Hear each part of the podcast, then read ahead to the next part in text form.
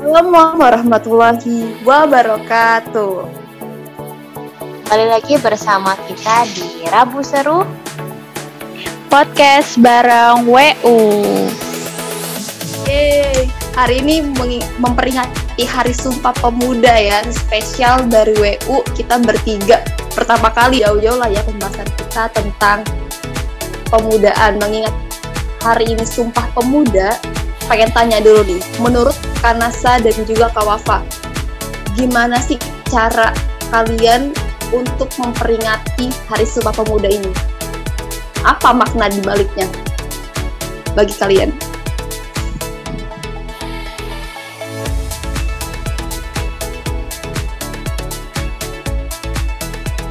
hari yang biasa kita lihat di tanggalan itu di tanggal 28 Oktober ya sebagai satu tonggak sejarah pergerakan kemerdekaan Indonesia yang diusung oleh pemuda pada saat itu di Batavia. Bagi aku, Sumpah Pemuda adalah jeng jeng jeng itu mencintai Indonesia dari budayanya, memaknai perjuangan uh, generasi penerus bangsa. Caranya banyak. Mungkin kalau sebagai pelajar kita bisa menjadi pelajar yang baik supaya bisa membangun Indonesia ini lebih baik lagi. Gimana kalau dari Kawafa nih? Makna Sumpah Pemuda. Ya, tiga tentang tanah air, tentang kebangsaan, tentang bahasa itu benar-benar uh, mengedepankan persatuan gitu. Walaupun memang kita punya latar belakang yang berbeda gitu, kita punya ciri khasnya masing-masing gitu. Tapi kalau kita punya tujuan satu gitu ya, kita punya niatan yang mulia gitu ya untuk tanah air kita bersama, itu uh, mudah kayak gitu dan caranya tadi benar katakan Asa bisa macem-macem banget gitu kan Cia. Masya Allah, keren keren dari perspektif dari Kanasa dan juga Kawafa tadi ya. Kalau kita membahas sumpah pemuda, sumpahnya para pemuda karena memang Indonesia itu dibangun oleh banyak para pemuda, maka ini sangat penting ya, sangat berarti untuk uh, keberlangsungan Indonesia khususnya.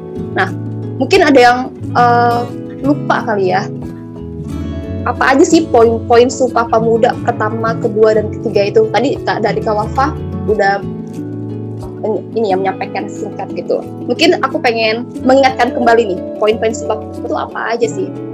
Oke, yang pertama kami putra dan putri Indonesia mengaku bertumpah darah yang satu putri Indonesia mengaku yang satu bangsa Indonesia. Ketika kami putra dan putri Indonesia menjunjung bahasa persatuan bahasa Indonesia Masya Allah ya, luar biasa gitu. Dari setiap poin-poinnya kita mendapatkan makna yang memang sangat luas. Mungkin gak jauh-jauh tadi, sudah dibahas juga sama Kanasa dan Kawafa. Uh, menambahkan sedikit aja ya bahwa dari ketiga poin ini menandakan menggarisbawahi bahwa Indonesia ini sangat luas. Kita berbeda bangsa, berbeda bahasa, berbeda juga uh, suku dan kebudayaan lingkungan kebudayaan jatuhnya ya. Tapi di sini karena adanya Sumpah Pemuda, kita semua dari beragam perbedaan itu dijadikan satu dalam tanah air yang sama, dalam bangsa yang sama dan juga dalam bahasa yang sama. Maka dari itu uh, kembali lagi makna kita memaknai Sumpah Pemuda di sini kita kembali kepada fitrah sebagai seorang pemuda yang memang mengenali diri sebagai pemuda peran-peran pemuda seperti apa dan apa sih yang bisa kita lakukan sebagai seorang pemuda untuk keberlangsungan uh, negara Indonesia jatuhnya ya. Nah, oke, okay. kalau menelisik lagi nih, menurut Kawafa dan Kanasa, peran pemuda itu semestinya seperti apa nih?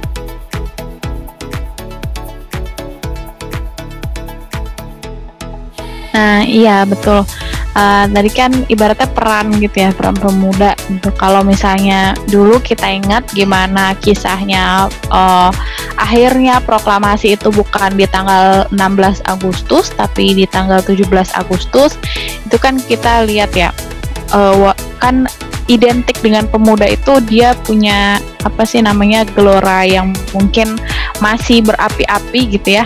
Ibaratnya uh, mungkin uh, belum terlalu banyak melihat realita gitu ya.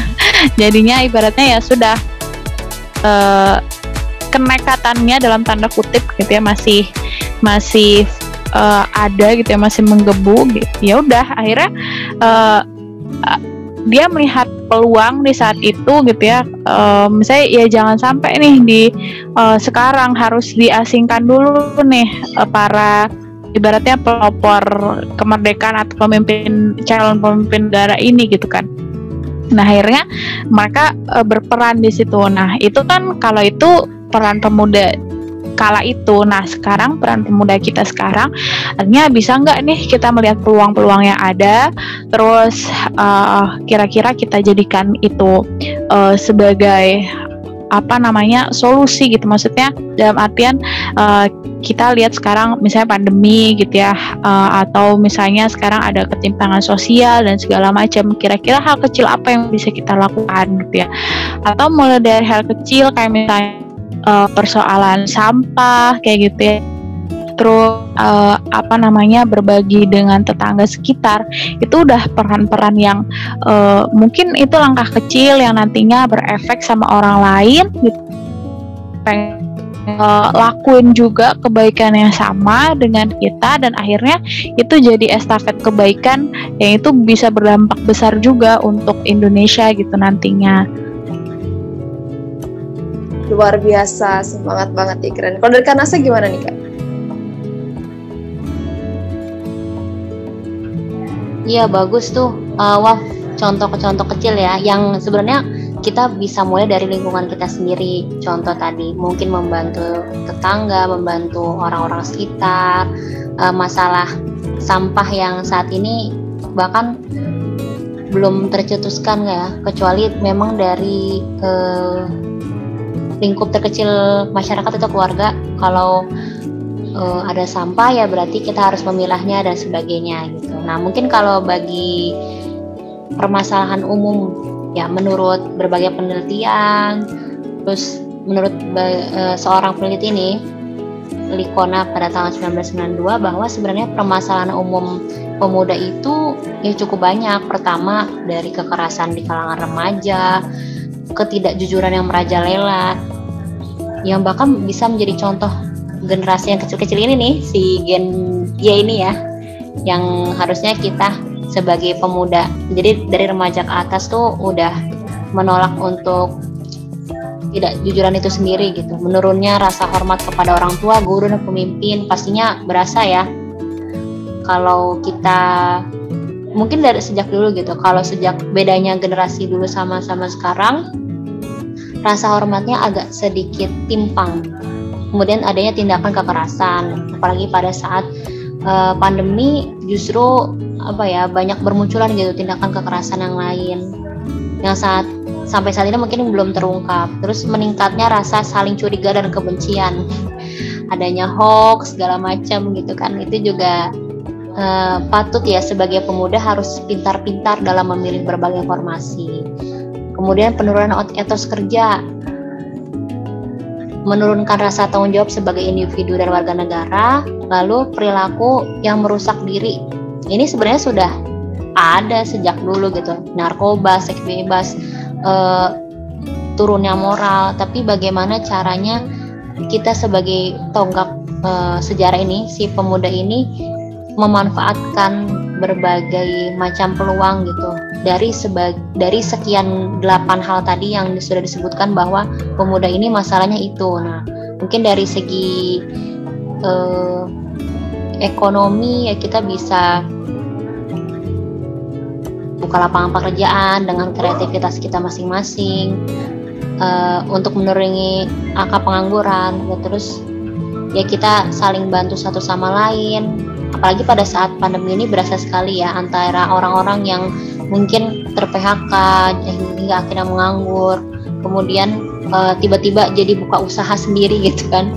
Itu kan uh, apa ya saat kita membuka usaha atau membuka hal-hal kecil gitu jalan itu bisa di, memanfaatkan atau dimanfaatkan orang lain supaya jadi sumber dayanya dia gitu untuk terus bertahan di tengah pandemi seperti ini. Apalagi pemuda ini sebagai wajah bangsa ya, yang secara psikologi juga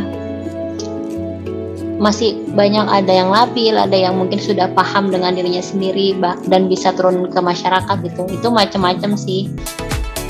Kalau dari Kacia gimana? Hal-hal inovatif apa nih yang bisa membuat pemuda itu harusnya sih sebenarnya bangkit gitu ya? Keren keren tadi dari Kawafa kan menyampaikan kalau peran pemuda itu bisa melalui dari hal-hal kecil ya kak. Betul banget. Uh, mulai dari hal kecil bisa ke hal besar karena tidak ada hal besar tanpa dimulai dari hal kecil. Tadi juga kak Nasa menyampaikan oh, berdasarkan problem problematika hari ini juga uh, disampaikan ya beberapa poin gitu. Kalau pemuda ada bisa menggali lagi tuh dari beberapa problematika menjadi sebuah kekuatan luar biasa sih Nah, aku jadi teringat sih sebenarnya dari kata-katanya Bung Karno ya. Seribu orang tua bisa bermimpi. I satu orang pemuda mengubah dunia. Siapa satu orang pemuda itu? Ya kembali lagi ke diri kita sendiri. Bener gak? Kita tanamkan kalau orang pemuda itu ya adalah diri kita. Jangan kita melemparkan pada orang lain. Nah makanya di sini hari ini kita berpikir, hari ini kita bisa meruntuhkan kembali siapa diri kita, apa kapasitas kita yang bisa kita uh, tingkatkan dan bagaimana cara meningkatkan itu menjadi sebuah peran-peran tadi ya banyak di lingkungan kita yang bisa kita menjadi bagian daripadanya gitu. Mulai dari hal kecil maupun hal besar. Mungkin kalau hari ini teman-teman kan ada yang kuliah ya ada yang kuliah atau mungkin kalau yang tidak berkuliah ada bergabung dengan komunitas-komunitas lain atau kegiatan-kegiatan positif lainnya lah. Itu sebenarnya menjadi salah satu langkah langkah awal bagaimana caranya untuk kita berkontribusi sih mulai dari hal kecil. Bergabung ya kan? Bergabung tadi dari komunitas positif ataupun uh, kita mulai perkuliahan dengan berbagai jurusan itu pun menjadi salah satu langkah kita sedang menggali kapasitas kita dalam satu kejurusan yang sedang khusus gitu kan di mana setelah kita mendapatkan kejurusan itu nah dari situ bisa kita kontribusikan lebih so oh aku uh, jurusan kedokteran misalnya. Nah dari kedokteran itu apa sih yang bisa kita lakukan? Karena pada dasarnya ilmu itu baru bermanfaat ketika itu sudah teraplikasikan ke masyarakat luas sebenarnya. Baru bisa dirasakan manfaatnya. Tidak hanya oleh diri kita sendiri. Nah makanya poin itu yang bisa kita ambil sebenarnya tidak hanya di jurusan terus bagaimana kalau yang nggak kuliah? Ya kembali lagi banyak hal-hal positif dibanding kita hanya sebatas melakukan aktivitas yang untuk memuaskan uh, hasrat keinginan kita aja nih kayak nonton nonton TV ataupun nonton yang lainnya atau uh, banyak hal-hal yang seru membuang-buang waktu kita tanpa kita mendapatkan hal-hal berarti gitu. Dibanding hal itu masih banyak hal-hal besar.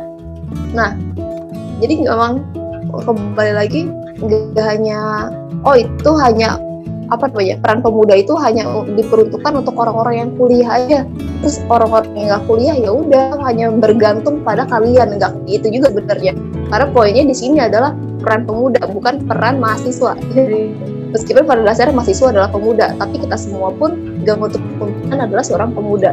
Jadi mungkin teman-teman yang kalau misalnya mendengar podcast ini yang oh aku nggak bukan orang bukan mahasiswa nih aku baru lulus SMA dan kayaknya nggak bakal lanjut kuliah. Ya kalian tetap muda. Gimana cara menggali kapasitas kita? Tadi kalau saran dari Kawafa mulai dari lingkungan hidup ya mulai dari sampah dan segala macamnya itu menjadi bisa menjadi satu langkah kecil gitu. Dan satu tambahan lagi problematika di lingkungan kita tuh memang sangat luas ya.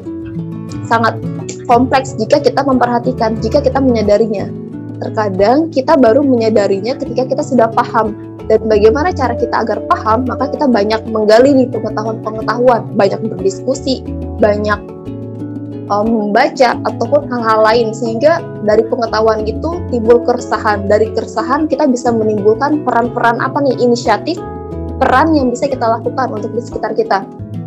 Ada misalnya kita resah pada uh, perekonomian uh, di lingkungan kita nih ekonominya masih terbelakang.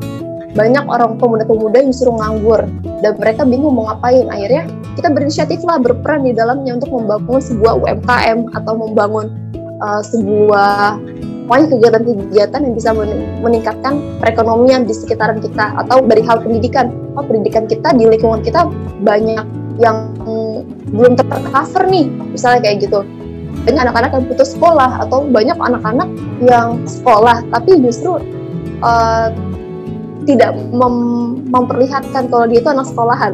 Paham nggak ya? Kalau luas gitu. Nah dari, dari sini kita bisa berperan di bidang pendidikan itu ataupun bidang TK ya. Buat apa sih peran-peran yang bisa kita tambahkan yang menjadi program-program Women United ke depannya? Kayak gitu. Waduh.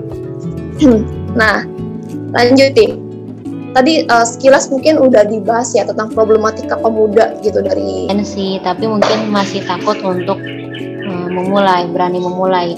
Jadi kan kita tadi kan sempat dibahas mungkin mulai dari lingkungan yang kecil dulu dari keluarga. Nah baiknya sebagai pemuda kita harus punya sikap uh, berani memulai pantang menyerah terus ulet gitu. Jangan sampai menerima satu kegagalan terus ya udah loss tanpa mengulangi atau memperbaharui uh, sikap dan sifat lagi supaya kita jadi orang yang sukses dan bermanfaat gitu kan.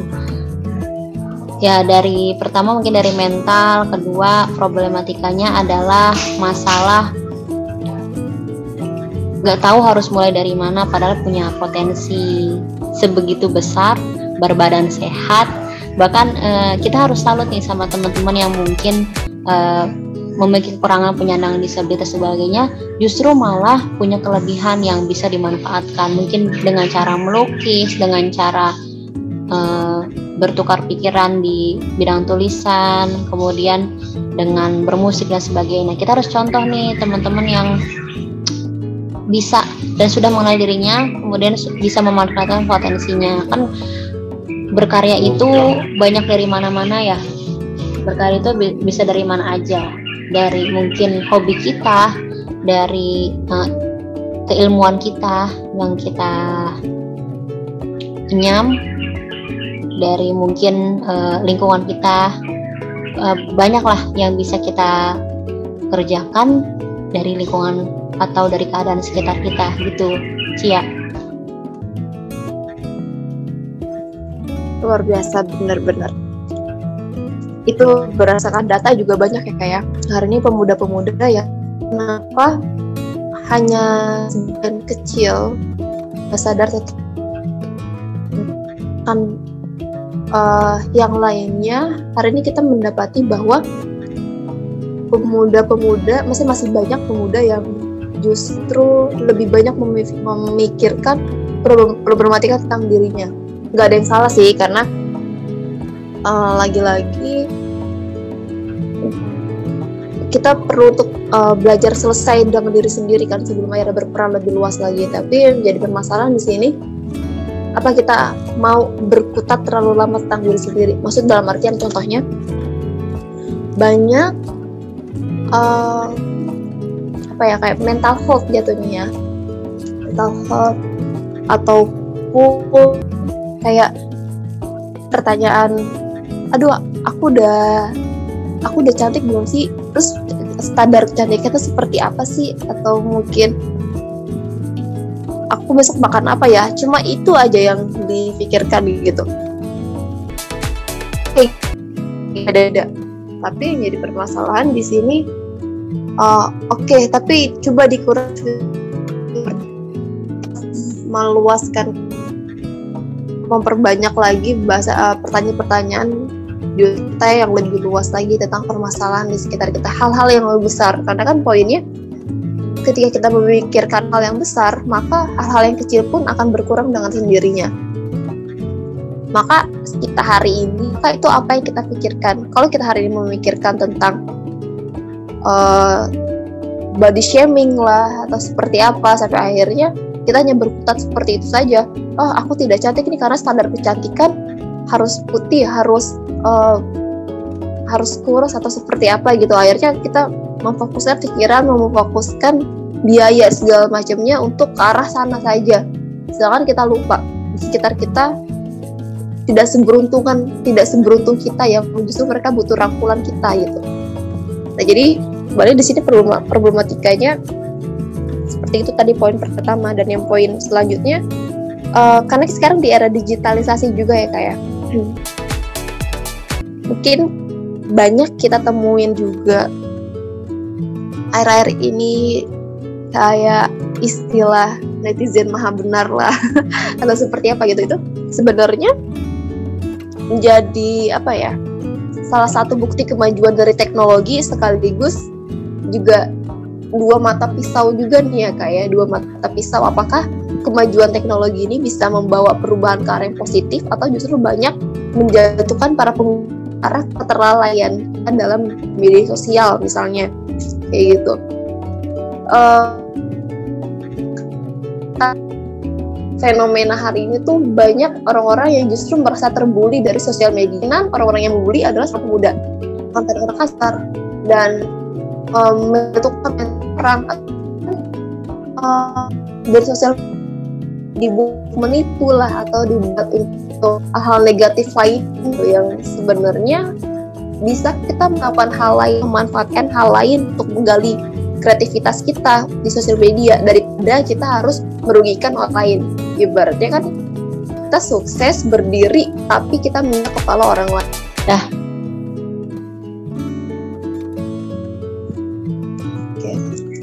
ya teman-teman kurang lebih begitulah ya uh, pemaparan kita tentang pemuda hari ini dan juga apa sih semestinya seperti apa sih pemuda yang diharapkan gitu. Ini versi kita ya sebagai Women United. Nah, tapi terakhir uh, jadi kesimpulan yang bisa diambil apa nih menurut Kanasa sendiri?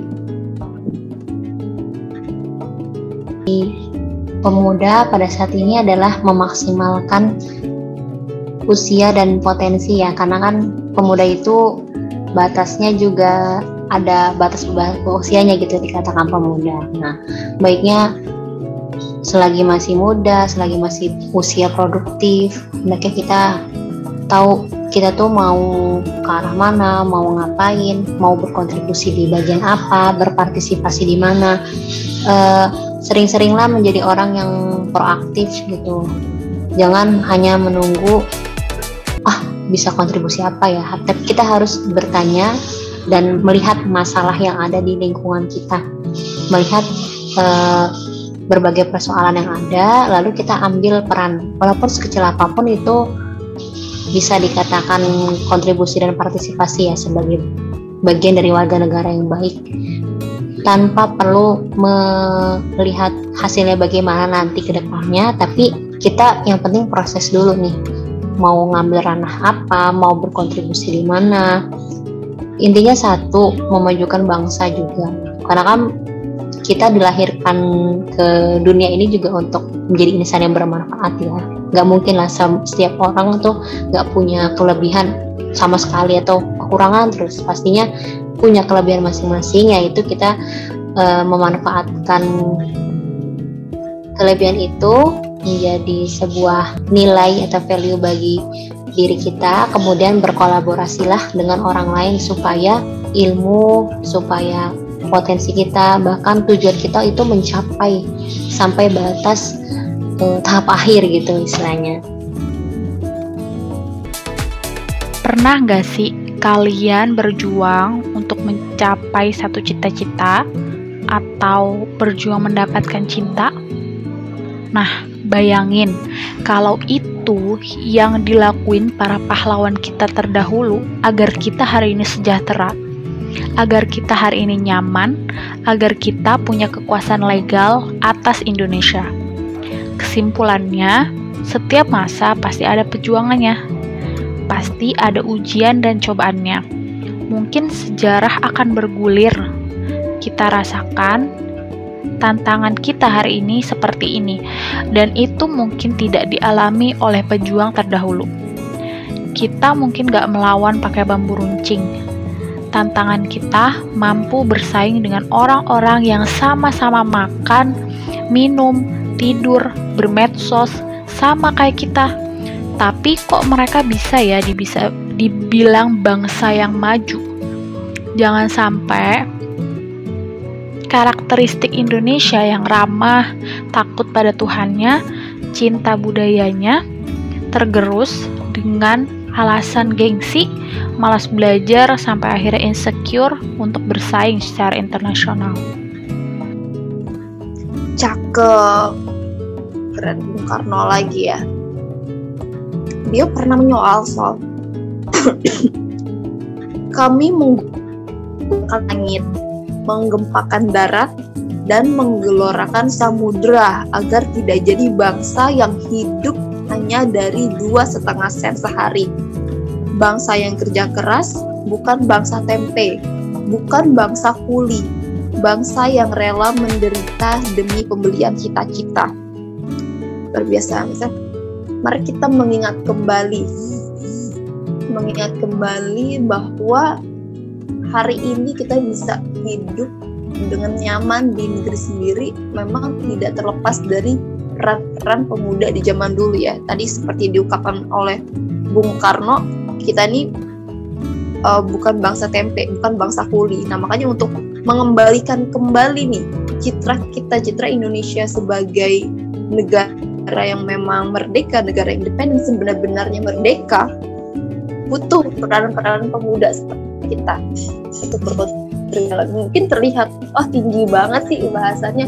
Ya, emang itu semestinya kita seperti itu gitu ya. Kita sembari belajar sih tentunya. Tadi uh, diingatkan juga sama Kanasa ya. Mulai dari hmm, hal-hal yang bisa kita lakukan melalui apa yang bisa ya kita bisa gitu ya setidaknya ada hal kecil yang bisa kita kontribusikan untuk nusa bangsa dan agama tentunya setelah kita uh, selesai dengan diri sendiri maka poinnya sama-sama kita berproses menjadi pribadi yang lebih baik, pemuda yang lebih produktif lagi dari sebelumnya, dan kita ingat kembali bahwasanya cita-cita bangsa Indonesia sendiri pun tidak terlepas dari kontribusi besar para pemuda ini. Dan termasuk kita untuk cita-cita bangsa Indonesia ke depannya. Oke, mungkin cukup sekian uh, bahasan topik sumpah pemuda nih, versi kita bertiga ya. Aku, Kanasa, dan juga Kawafa. Makasih banyak buat kakak yang lainnya dan juga teman-teman selalu setia mendengarkan podcast Women United. Semoga ada insight yang bisa diambil hari ini dan juga bisa kita sedikit daripada keterpurukan keterpurukan dalam hal apa itu apa pun itu intinya kita berpikir besar maka pikiran-pikiran yang kecil pun juga akan perlahan mundur ya mungkin itu aja sih dari dari kita Jangan lupa follow akun Instagram at Woman United underscore official dan juga ikuti terus oh, podcast kita di Spotify Woman United. Jangan sampai ketinggalan. Kurang lebihnya dari kami mohon maaf. Assalamualaikum warahmatullahi wabarakatuh.